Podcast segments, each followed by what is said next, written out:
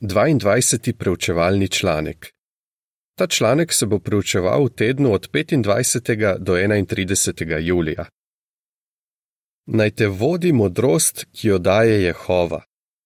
Tematski stavek: Jehova daje modrost. Pregovori 2:6. Pesem 89: Zvesto ubogaj vse dni. Povzetek. Salomon in Jezus sta bila zelo modra. Modrost jima je dal Bog Jehova.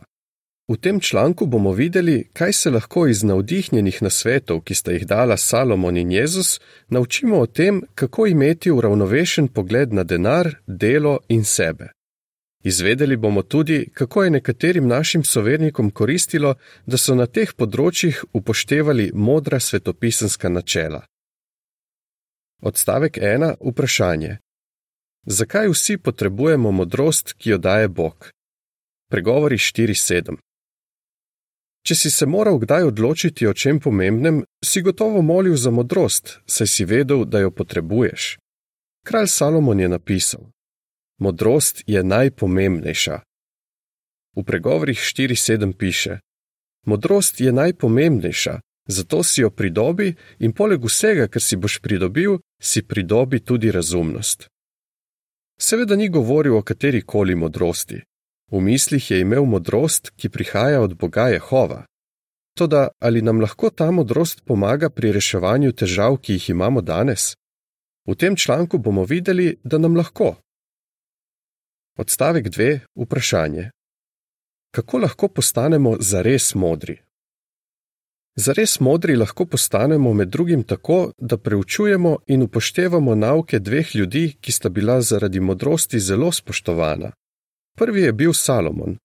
V svetem pismu piše, da je Bog Salomona obdaril z izjemno modrostjo in sposobnostjo dobre presoje. Prva kraljev 4:29. Drugi je bil Jezus. Bil je najmodrejši človek, ki je kdaj živel. O njem je bilo prerokovano: Na njem bo počival Jehovov duh, duh modrosti in razumnosti. Izaija 11:2. Odstavek 3. Vprašanje. Kaj bomo pregledali v tem članku? Salomon in Jezus sta z modrostjo, ki jim jo je dal Bog, povedala praktične nasvete o zadevah, ki se tičejo vseh nas.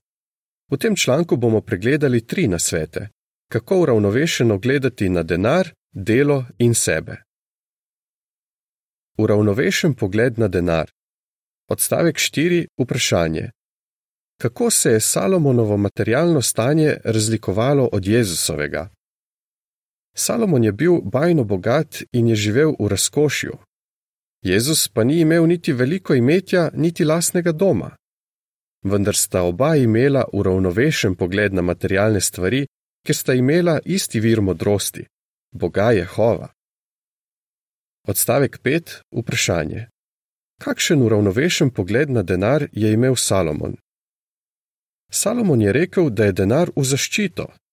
Z njim lahko kupimo to, kar nujno potrebujemo, in včasih tudi tisto, kar si želimo. Vendar se je Salomon kljub svojemu bogatstvu zavedal, da so v življenju še bolj pomembne stvari, kot je denar. Napisal je na primer: Boljše je izbrati dobro ime, ali dober sloves, počrtna opomba, kakor veliko bogatstvo. Pregovori 22.1. Salomon je tudi opazil, da so ljudje, ki imajo radi denar, redko zadovoljni s tem, kar imajo. Opozoril je pred tem, da bi zaupali samo v denar, saj ta lahko hitro izgine, ne glede na to, koliko ga imamo. Odstavek 6. Vprašanje. Kakšen uravnovešen pogled na materialne stvari je imel Jezus? Matej 6, 31-33. Jezus je imel uravnovešen pogled na materialne stvari. Užival je v hrani in pijači, ob neki priložnosti je naredil vino najboljše kvalitete. To je bil njegov prvi čudež. Tisti dan, ko je umrl, je nosil drago oblačilo, toda ni dovolil, da bi mu materialne stvari postale najpomembnejše v življenju. Svojim sledilcem je rekel: Nihče ne more sužnjevati dvema gospodarjema. Ne morete sužnjevati Bogu in bogatstvu. Matej 6:24 Jezus je učil, da bo Jehova poskrbel, da bomo imeli vse, kar potrebujemo, če bomo dali kraljestvo na prvo mesto. V Mateju 6, 31 do 33 piše: Zato ne bodite nikoli zaskrbljeni in ne sprašujte, kaj bomo jedli, kaj bomo pili ali kaj bomo oblekli. Z vsem tem se namreč veliko ukvarjajo ljudje iz drugih narodov. Vaš nebeški oče ve, da vse to potrebujete. Zato naj vam bodo kraljestvo in božja pravična merila vedno na prvem mestu v življenju, in Bog vam bo dal vse te druge stvari. Odstavek 7. Vprašanje. Kako je nekemu bratu koristilo, ker je uravnovešeno gledal na denar? Mnogim našim bratom in sestram koristi, ker upoštevajo božjo modrost pri ravnanju z denarjem. Razmisli o zgledu samskega brata Daniela. Takole pravi: V najstniških letih sem se odločil, da bom duhovne dejavnosti dal na prvo mesto v življenju. Ker je Daniel živel preprosto, je lahko svoj čas in spretnosti uporabil za številne teokratične projekte. Pove še: Iskreno lahko rečem, da nisem nikoli obžaloval svoje odločitve. Seveda bi lahko zaslužil veliko denarja, če bi mi ta bil najpomembnejši. Toda kako bi mi lahko denar nadomestil prijateljstva, ki jih imam? Kako bi mi lahko nadomestil zadovoljstvo, ki ga imam, ker vem, da dajem kraljestvo na prvo mesto? Noben denar se ne more primerjati z blagoslovi, ki mi jih je dal Jehova.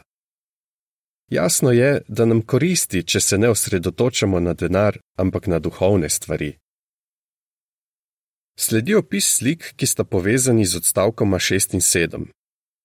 John in Tom sta mlada brata, ki sta v isti občini. John porabi veliko časa za svoj avto. Tom uporablja svoj avto, da vozi druge na oznanjevanje in na shode. V pripisu k slikama piše: Ali te tvoj pogled na materialne stvari ovira, da bi dal kraljestvo na prvo mesto v življenju? Uravnovešen pogled na delo. Odstavek 8. Vprašanje. Kako vemo, da je Salomon uravnovešeno gledal na delo? Pridigar 5, 18 in 19. Salomon je rekel, da je zadovoljstvo, ki ga imamo, ko pridno delamo, božji dar, V Pridigarju 5, 18 in 19 piše: Ugotovil sem, da je za človeka dobro in primerno to, da je in pije, ter uživa pri vsem svojem napornem delu, s katerim se teh nekaj dni svojega življenja, ki mu ga je dal pravi Bog, muči pod soncem. To je namreč človekovo plačilo. In če pravi Bog da človeku bogatstvo in imetje, ter mu omogoči, da uživa v vsem tem, bi moral človek sprijeti to svoje plačilo ter se veseliti pri svojem napornem delu. To je božji dar. Napisal je: Vsako marljivo delo prinaša koristi. Pregovori 14:23. Vedel je, o čem govori, saj je bil marljiv delavec. Gradil je hiše, zasadil vinograde ter naredil vrtove in vodne zbiralnike. Gradil je tudi mesta, To je bilo trdo delo in gotovo mu je prineslo nekaj zadovoljstva. Toda Salomon je vedel, da je za pravo srečo potrebno nekaj več. Sodeloval je tudi v duhovnih dejavnostih. Nadzoroval je na primer gradnjo veličastnega templja za češčenje Jehova. To je bil sedemletni gradbeni projekt. Salomon je sodeloval tako pri duhovnih kot pri drugih dejavnostih, vendar je spoznal, da so duhovne dejavnosti daleč pomembnejše od drugih. Napisal je: Na koncu sem prišel do naslednjega sklepa: Globoko spoštuj pravega Boga in izpolnjuj njegove zapovedi. Pridigar 12:13. Odstavek 9. Vprašanje: Kako je Jezus svoje delo ohranjal na pravem mestu? Tudi Jezus je bil marljiv delavec. V mladosti je delal kot tesar, Njegova starša sta prav gotovo cenila njegovo pomoč, ko sta se trudila priskrbeti veliko družino. Ker je bil Jezus popoln, je bil kot tesar nedvomno zelo iskan. Pri svojem delu je verjetno užival. Vendar se ni posvečal samo delu, ampak tudi duhovnim dejavnostim. Kasneje je kot polnočasni oznanjevalec svojim poslušalcem svetoval: Ne delajte za hrano, ki se pokvari, ampak za hrano, ki se ne pokvari in vodi v večno življenje. Janez 6:27. V govoru na gori pa je rekel: kopičite si zaklade v nebesih. Matej 6:20. Odstavek 10. Vprašanje. Kje se lahko pojavi problem, če smo dobri delavci?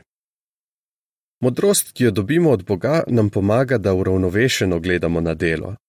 Sveto pismo vsakega kristjana uči naj krepko poprime za delo in pošteno dela. Efežanom 4:28. Delodajalci pogosto opazijo našo poštenost in marljivost in nam morda tudi povedo, da cenijo naše delovne navade. Z najboljšimi motivi morda začnemo delati več ur, ker upamo, da bo delodajalec dobil še boljši vtis o Jehovovih pričah. Kmalu pa se mogoče zavemo, da smo začeli zanemarjati svoje družinske odgovornosti in teokratične dejavnosti. Da bi bili bolj uravnovešeni, moramo narediti spremembe. Odstavek 11. Vprašanje. Kaj se je neki brat naučil o tem, kako lahko uravnovešeno gleda na delo? Mladi brat William je sam opazil, kako koristno je ohranjati delo na pravem mestu. O starešinu, pri katerem je bil nekoč zaposlen, je rekel: Ta brat je odličen zgled človeka z uravnovešenimi delovnimi navadami. Trdo dela in ima dober odnos s svojimi strankami, saj zelo dobro opravlja svoje delo. Toda na koncu dneva, ko je službe konec, z delom zaključi in se posveti svoji družini in veri. In povem vam, da je eden najsrečnejših ljudi, kar jih poznam. Sledi opis slik, ki sta povezani z odstavkoma 10 in 11. John dela na dure, ne želi razočarati svojega šefa. Kadarkoli ga ta prosi, da bi delal še zvečer, se strinja. Isti večer Tom, ki je strežni služabnik, skupaj z nekim starešinom opravi pastirski obisk. Tom je že prej pojasnil svojemu šefu, da ima določene večere v tednu rezervirane za dejavnosti, povezane s čaščenjem Jehova. V pripisu k slikama piše: Kako lahko ohraniš ravnovesje med delom in teokratičnimi dejavnostmi? Uravnovešen pogled na sebe. Odstavek 12. Vprašanje. Kako je Salomon pokazal, da ima uravnovešen pogled na sebe, to da kaj se je zgodilo kasneje? Ko je Salomon zvesto častil Jehova, je uravnovešeno gledal na sebe. V mladih letih je skromno priznal svoje omejitve in Jehova prosil za vodstvo. Na začetku svojega vladanja se je zavedal nevarnosti, da bi postal preponosen. Napisal je: Ošabnost vodi v propad in preuzetnost pripelje do paca. Pregovori 16:18. Nažalost, kasneje ni upošteval svojega lastnega nasveta. Ko je bil že nekaj časa kralj, je zaradi ponosa začel zavračati božje zakone. Eden od zakonov je za izraelskega kralja določil, naj nima veliko žen, da mu srce ne bi skrenilo z prave poti. Peta Mojzesova 17:17. Salomon je kršil ta zakon in si vzel 700 žen in 300 stranskih žen. Mnoge od njih niso častile Jehova. Mogoče je mislil, da ima v življenju vse pod nadzorom. Kakorkoli že, sčasoma je trpel posledice, ker se je oddaljil od Jehova. Odstavek 13. Vprašanje. Kaj se lahko naučimo, če premišljujemo o Jezusovi ponižnosti? Jezus je ohranjal uravnovešen pogled na se in je bil ponižen. Še preden je prišel na zemljo, je opravil veliko čudovitih del, ko je služil Jehovu. Po njem je bilo ustvarjeno vse drugo v nebesih in na zemlji. Kolšanom 1.16. Ob krstu se je očitno spomnil vsega, kar je delal, ko je bil skupaj s svojim očetom. Vendar zaradi tega ni postal ponosen. Pravzaprav se ni nikoli poviševal nad nikogar. Svojim učencem je rekel, da na zemljo ni prišel zato, da bi mu drugi stregli, ampak da on streže drugim in da svoje življenje kot odkupnino za mnoge. Matej 20:28 Skromno je tudi priznal, da ne more ničesar narediti samo od sebe. Jezus je bil res ponižen. Dal nam je čudovit zgled, vreden posnemanja. Odstavek 14. Vprašanje. Kaj se od Jezusa naučimo o tem, kako imeti pravilen pogled na se? Jezus je svoje sledilce učil, naj pravilno gledajo na se. Nekoč jim je rekel: Vam pa so celo lasje na glavi prešteti. Matej 10:30. Te besede nas potolažijo, še posebej, če smo nagnjeni k temu, da negativno gledamo nase. Naš nebeški oče se zelo zanima za nas in v njegovih očeh smo dragoceni. O tem ne bi smeli nikoli dvomiti in skleniti, da nismo vredni, da ga častimo in da si ne zaslužimo večnega življenja v novem svetu. Odstavek 15. Vprašanje A. Kaj je v stražnem stolpu pisalo o uravnovešenem pogledu nase? Vprašanje B.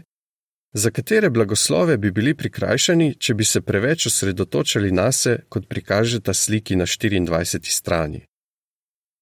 Pred kakšnimi 15 leti je v stražnem stolpu o uravnovešenem pogledu, ki bi ga morali imeti nase, pisalo: O sebi seveda ne želimo imeti tako visokega mnenja, da bi postali domišljavi, niti ne želimo iti v drugo skrajnost in misliti, da nismo nič. Naš cilj bi moral biti, da bi razvijali razumen pogled nase, takšen, s katerim bi upoštevali tako svoje vrline kot omejitve. Neka kristjanka je to takole povedala: Ni me sama zloba, pa tudi angel nisem. Imam dobre in slabe strani, prav kakor vsi drugi ljudje. Jasno lahko vidimo, zakaj je dobro, da imamo uravnovešen pogled nase.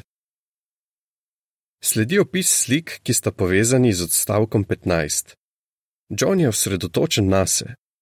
Tom, ki so mu duhovne dejavnosti najpomembnejše, dobi še več prijateljev, ko pomaga pri obnovi zborske dvorane. V pripisu k slikama piše: Za katere priložnosti in blagoslove si prikrajšan, če nase ne gledaš uravnovešeno? Odstavek 16. Vprašanje: Zakaj nam Jehova daje modre nasvete? Jehova nam po svoji besedi daje modre nasvete, ima nas rad in želi, da bi bili srečni. Modro je, da damo Jehova na prvo mesto v življenju. Tako bomo najbolj srečni. S tem se bomo ognili mnogim težavam, ki jih imajo tisti, ki se preveč posvečajo denarju, delu ali sebi naj bo vsak od nas odločen, da bo ravnal modro in razveseljeval Jehovovo srce. Kaj se iz Salomonovih in Jezusovih navdihnjenih nasvetov naučimo o tem, kako bi morali gledati na denar, delo, sebe? Pesem 94: Hvaležni za Božjo besedo. Konec članka.